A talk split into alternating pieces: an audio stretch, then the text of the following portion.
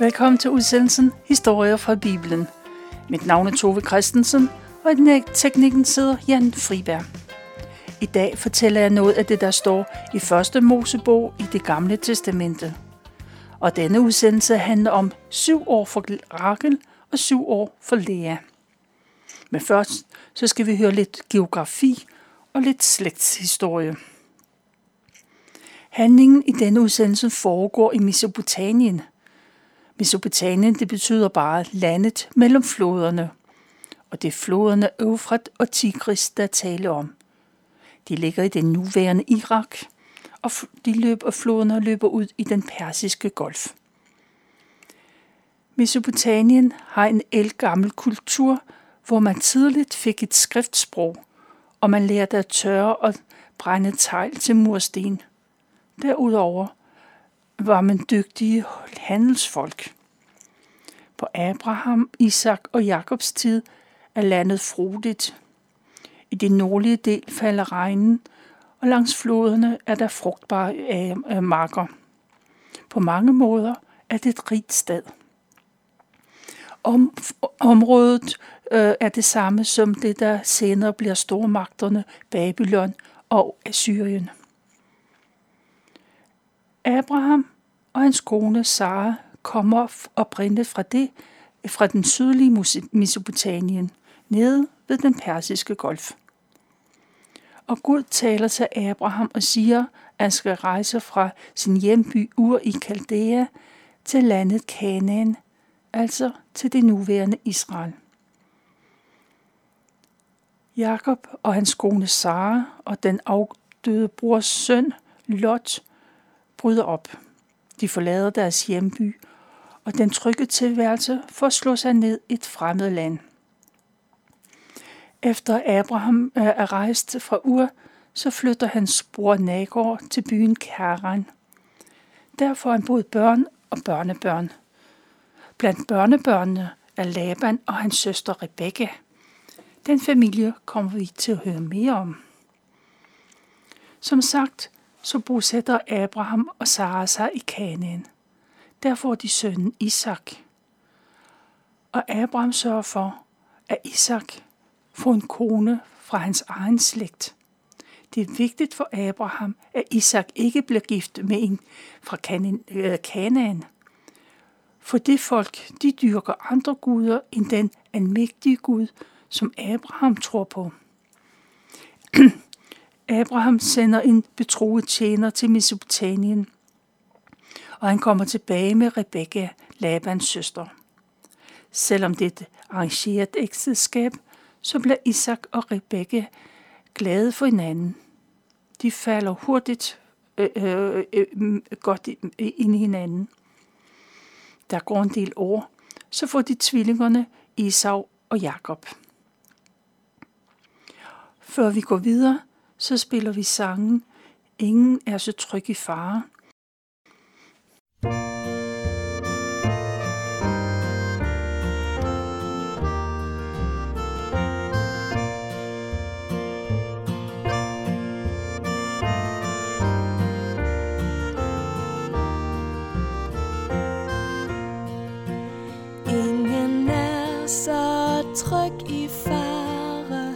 Som Guds lille børneskare. Fuglen ej i skjul bag løvet, stjernen ej højt over støvet. Herren selv på Sions bjerge, for sit folk er skjold og værge, vil sig over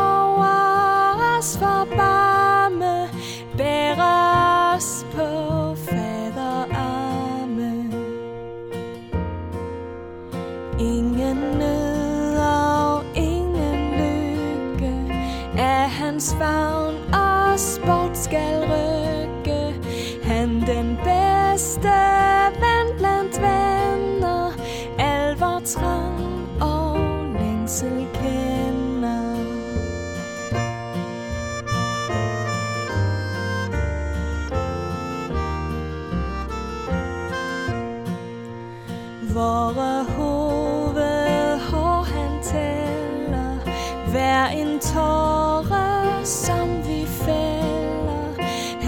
os føder og os glæder midt i sorgen. Han os glæder, om han tager, om han giver.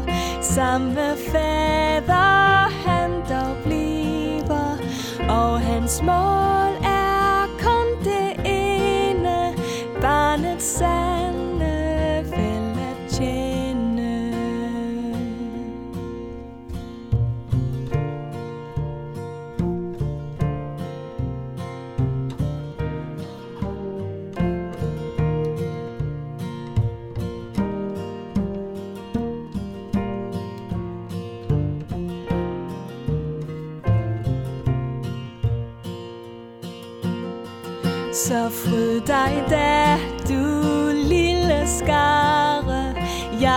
Jakobs Gud vil dig bevare. På hans mindste vink må alle fjenderne til jorden falde. Og når endt er kampens dage, endt hver jordisk nød og klage, kalder op vor faders stemme til en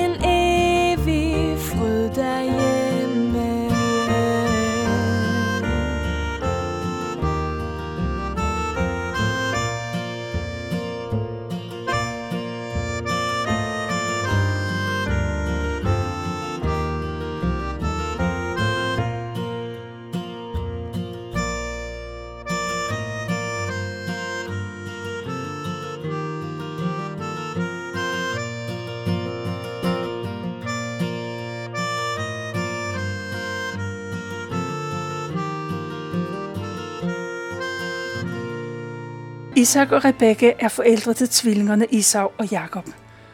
De to drenge er meget forskellige, både af sind og udseende. Isau er den ældste, og han er født få minutter før sin bror Jakob. Det er altså Isau, der er arvingen til al fars rigdomme. Og Jakob er misundelig. Det kunne lige så godt være ham, der blev født først. Jakob beslutter, at han på en eller anden måde nok skal få fat i sin brors første fødselsret, altså retten til arve. En dag kommer Isau træt og sulten hjem. Han tænker kun på at få mad. Jakob har netop lavet maden, og han tilbyder Isau noget at spise. Men kun hvis han får fødsels, første fødselsretten. Den dag sælger Isau sin arveret for en middagsret med linser. Og nu er det officielt. Jakob er hovedarving. Årene går, og far Isak mærker, at døden nærmer sig. Det betyder, at han giver Guds velsignelse videre til en af sine sønner. Den, der får den velsignelse, får det hele. Den anden søn må øh, klare sig uden. Far Isak vil give Guds velsignelse til sin yndlingssøn Isau, den ældste. Men den gamle blinde mand bliver narret, så det er Jakob, der kommer til at få den. Isau føler sig godt og grundigt snydt. Han er så vred, at han vil dræbe Jakob. Men han vil ikke gøre sin gamle far ked af det, så derfor beslutter han at vente med at og dræbe til faren er død. Mor Rebecca, hun ligger sig imellem og finder på en undskyldning for at få Jakob af vejen. Jakob er 40 år, og han er stadigvæk ugift. Det vil være passende, hvis han finder sig en kone blandt sin egen slægt, hendes slægt, som i øvrigt også er Isaks. Rebekka får sin mand overbevist om, at det bedste er, at hvis Jakob tager til hendes bror Laban. Han bor mange dagsrejser væk i Mesopotamien. Jakob får sin fars velsignelse til at rejse til familien og til at gifte sig. Den første nat, nat da Jakob sover under åben himmel, så har han en særlig drøm. Han ser en stige, der når fra jorden og op til himlen. Samtidig hører han en stemme, der siger, at Gud vil være med ham. Jakob fortsætter sin vandring, og han kommer til det land, hvor han ved, at hans onkel bor. Jakob er klar over, at hans familie bor i nærheden, men han ved ikke præcis, hvor det er, og han ved jo heller ikke, hvordan de ser ud. Og så må han spørge sig for. Der er sikkert nogen, der kender familien, og som kan fortælle ham, hvor han skal gå hen. Og Jakob ser sig om efter at finde nogen, han kan spørge. Og så får han øje på en brønd, der ligger ude på en mark. Ved siden af brønden står der nogle hyrder, og der ligger tre forflokke og venter på at få noget vand. Problemet er, at der ligger en stor sten oven på brønden. Den ligger der sikkert for at beskytte vandet mod fordampning og for at holde vandet rent. Måske også for øh, at der ikke skal komme vandtyve. Vand er kostbart i det varme land. Systemet er åbenbart, at når alle hyrder i området er samlet, så hjælper man hinanden med at løfte stenen væk. Så vander man dyrene, og så lægger man stenen tilbage bagefter. Jakob går hen til de hyrder, og så spørger han, om de kender Laban. Jo, men det gør de da. Og det er forresten hans datter Rakel, der er på vej hen mod dem. Og så peger de på en ung pige, der kommer med sin fars for. Og Jakob ser sin kusine for første gang, og han bliver betaget af hende. Han synes aldrig, han har set så smuk og dejlig en pige som hende. Han ved med det samme, at hun er noget ganske særligt. Og Jakob, han vil gøre alt for, at pigen kan lægge mærke til ham. Og det giver ham uanede kræfter. Og han er meget målrettet. Jakob går uden videre hen og løfter den tunge sten op, eller den tunge sten, der ligger over brønden. Han flytter den ene mand. Og Jakob fortsætter med at imponere. Han tager en spand og hejser vand op til pigens for. Han fortsætter med og øse, eller, eller, eller, få vand op, indtil alle får har fået slukket deres tørst. Og når det er klaret, så går han hen til Rakel og giver hende et kys på kinden. Og med tårer i øjnene, så fortæller han, at han er søn af, af, af pigens faster, af Rebekka. Og det er en stor nyhed for Rakel. Tænk at høre fra et familiemedlem, som man kun kender af omtale. Rebekka, hun har rejst længe før, at hun blev født. Rakel kan ikke vente med at fortælle sin familie, at der er kommet besøg langvejs fra, så hun skynder sig hjem. Rakels far, Laban, han lytter til sin datter. Hans forundring bliver større og større. Han siger farvel til sin elskede Rebekka, søster Rebekka, da hun var ganske ung. Først nu ved han, at hun har husket på ham i alle disse år. Nu, mange år senere, så er der endelig kommet livstegn fra hende. Det er kommet igennem hendes søn. Laban er glad for at høre de gode nyheder, og så skynder han sig ud til brønden for at tage imod Jakob. De to mænd omfavner hinanden og kindkysser. Det er familien, der mødes, og glæden er stor. Jakob fortæller, hvorfor han er kommet, og Laban er overvældet og han gentager, tænk engang, at det er min slægtning, der er kommet. Og Jakob, han flytter ind til Laban, og han bliver hurtigt en del af familien.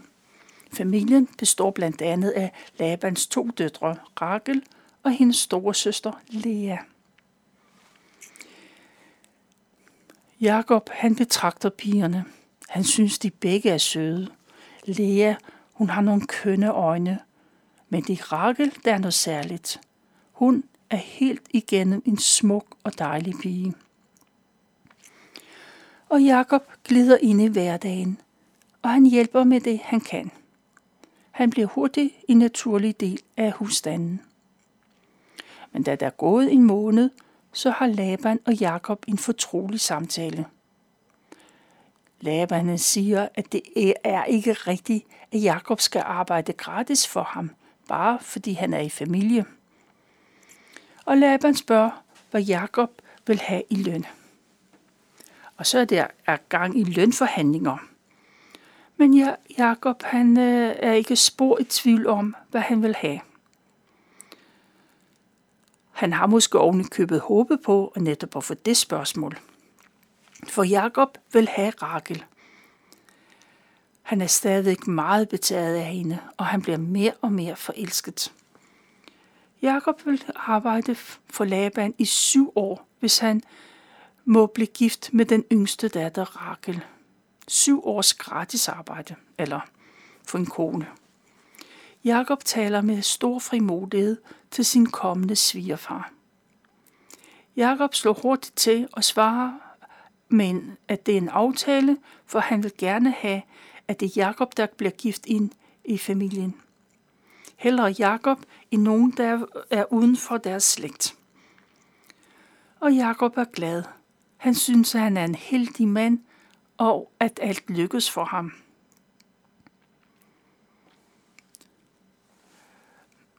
Jakob har arbejdet hårdt for Laban, og det ene år går efter det andet. Jakob synes, at tiden flyver afsted, så forelsket er han. Det er som om Jakob er lige er kommet til Labans hus, men der er gået syv år. Selvom tiden er gået hurtigt, så holder Jakob nøje øje regnskab med tiden. Han ved præcis, hvornår de syv år er gået.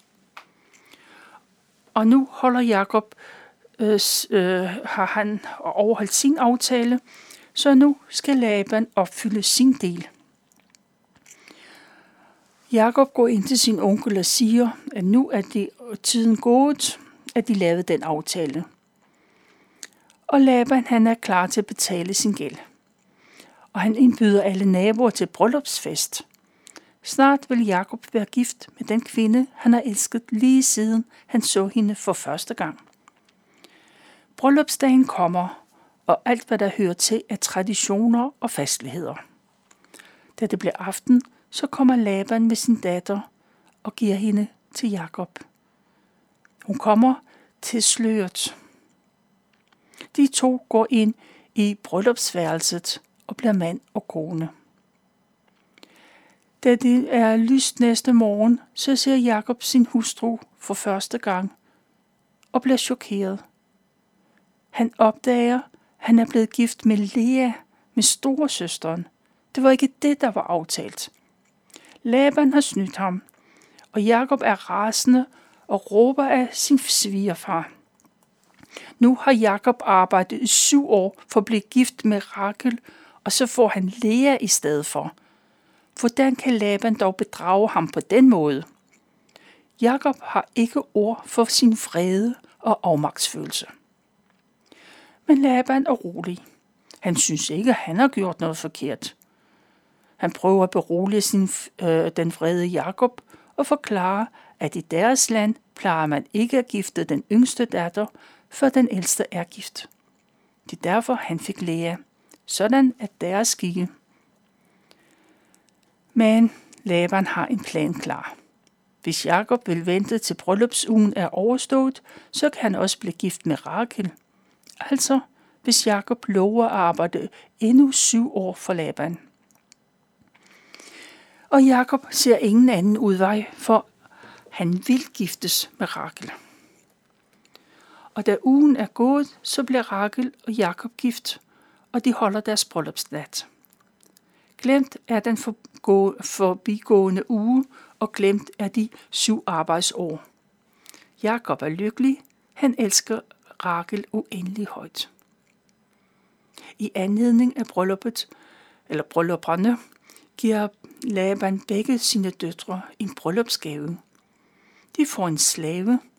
Lea og Rakel de får hver deres slavepige. De skal arbejde som tjenestepiger, og det så bliver det hverdag igen. Og Jakob begynder de næste syv års arbejde for, øh, for Laban. Han har fået sin rakel, og han skal til at betale, hvad han skylder. Rakel er lykkelig, for hun er gift med den mand, der elsker hende, og som hun elsker. Lea derimod, hun er ked af den situation, hun er kommet i. Hun ved godt, at Laban ikke elsker hende. Og Lea føler sig ensom. Men hun er ikke alene, for Gud ser hende. Hun ser, han ser, hvordan hun har det, og Gud griber ind i de to kvinders liv. Gud lad Lea, den ældste, blev gravid, men Rakel bliver ikke gravid. Lea, hun føder en søn, som hun kalder for Ruben. Ruben, det betyder, Gud ser min ulykke. Lea er sikker på, at nu vil Jakob elske hende, for hun har født ham en søn. At få sønner er vigtigt i den kultur, fordi gennem sønnerne er livet giver mening. Der går ikke så lang tid, så er Lea igen gravid, og hun føder endnu en søn. Han får navnet Simeon. Det betyder, Herren har hørt. Lea får to sønner mere. De kommer med kort tids mellemrum, og de kommer til hede Levi og Juda. Rakel, den elskede hustru, er jaloux på sin søster. Hun får det ene barn efter det andet. Selv bliver hun, får hun ikke nogen. Rakel er ked af det, for hun ville så gerne have en dreng. Ikke kun for sin egen skyld, men også for slægtens bestående. En dag Rakel er sammen med Jakob, så græder hun og forlanger, at Jakob skal opfylde hendes ønske. Giv mig en søn, eller jeg dør, siger hun. Men Jakob bliver vred. Er han måske Gud? Kun Gud har magt til at give liv. Han ved, at Gud er den eneste, der kan hjælpe. Måske aner Jakob, hvordan det hænger sammen, at grunden til det hele er, at han ikke elsker Lea, som han bør elske sin hustru. Rakel er desperat efter at få en søn, og nu gør hun det, som der er ganske almindeligt at gøre, når kvinder ikke kan blive gravide. Hun giver sin slavepige til sin mand. De to kan blive gift og få børn sammen. Rakel ejer slavenpigen, og dermed ejer hun også de børn, hun får. Hvis slaven bliver gift med Jakob, og de får børn sammen, så er barnet jo Rakels. Det er tankegangen. Og Rakel opfordrer sin mand til at blive gift med hende. Og Jakob gør, som øh, Rakel ønsker, og så tager han slaven til hustru. Og hun bliver gravid, og Rakel kalder drengen for Dan. Tjenestepigen får endnu et barn, som bliver kaldt Naftali. Og nu er det Lea, der er ked af det. De to søstre, de kæmper om Jakobs gunst. Lea får til synlædende ikke flere børn, og så kopierer hun Rakels handlinger. Og nu får Jakob bliver gift, han bliver han gift endnu en gang, denne gang med Leas slavepige. Det er Jakobs fjerde kone – og så får de to, to drenge sammen. Jakobs sønner vokser op, og de hjælper med, hvor, de, hvor der er brug for det. Der er meget, der skal gøre på Labans ejendom. En dag er den ældste søn Ruben med ud med de voksne ud for at høste hvede. Og der finder han en helt speciel og sjælden plante. Det er, det er alrunerod, eller kærlighedsplanten, som de kalder rødderne. Det er almindeligt kendt, at hvis en kvinde spiser disse rodknolde, så bliver hun lettere gravid. Derfor er planterne så uendelig kostbare. Ruben tager planterne med hjem til sin mor Lea og giver hende den. Hun bliver glad. Selvom Lea har fire sønner, så vil hun gerne have flere. Rakel opdager, at Ruben har fundet de der kærlighedsplanter og givet til sin mor. Og Rakel, hun er misundelig, for hun har selv hårdt brug for sådan nogle planter. For hun har stadig ikke fået børn selv. Rakel går nu til sin søster, og så slår de en handel af. De handler med værdifulde ting. Hvis Rakel får planterne, så, får Jakob, eller så kan Jakob få lov til at sove hos Lea den nat. Og sådan bliver det. Jakob kommer hjem den aften, så kalder Lea på ham.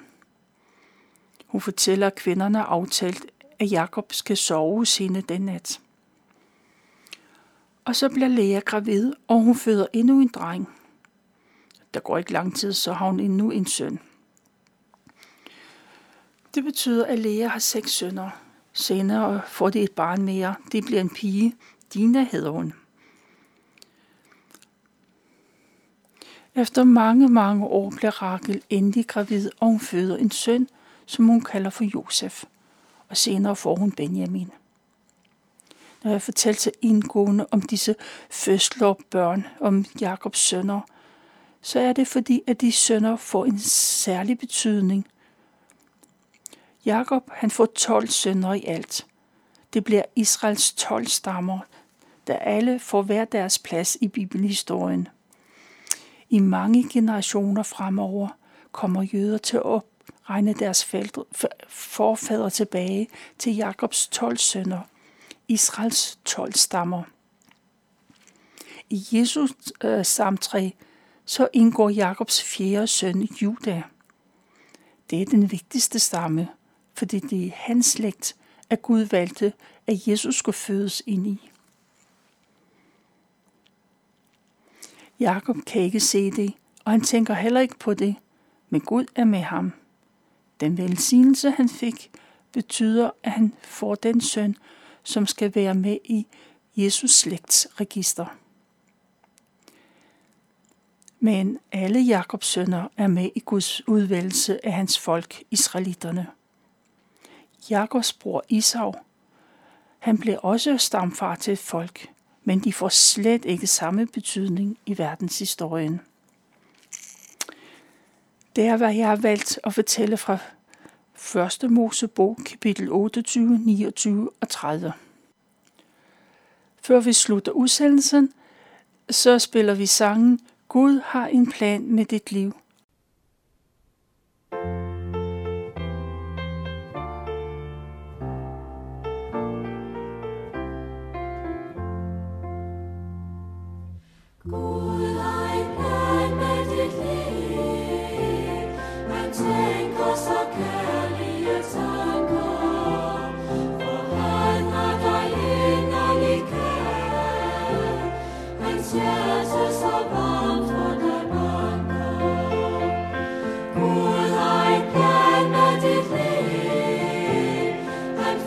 mercy.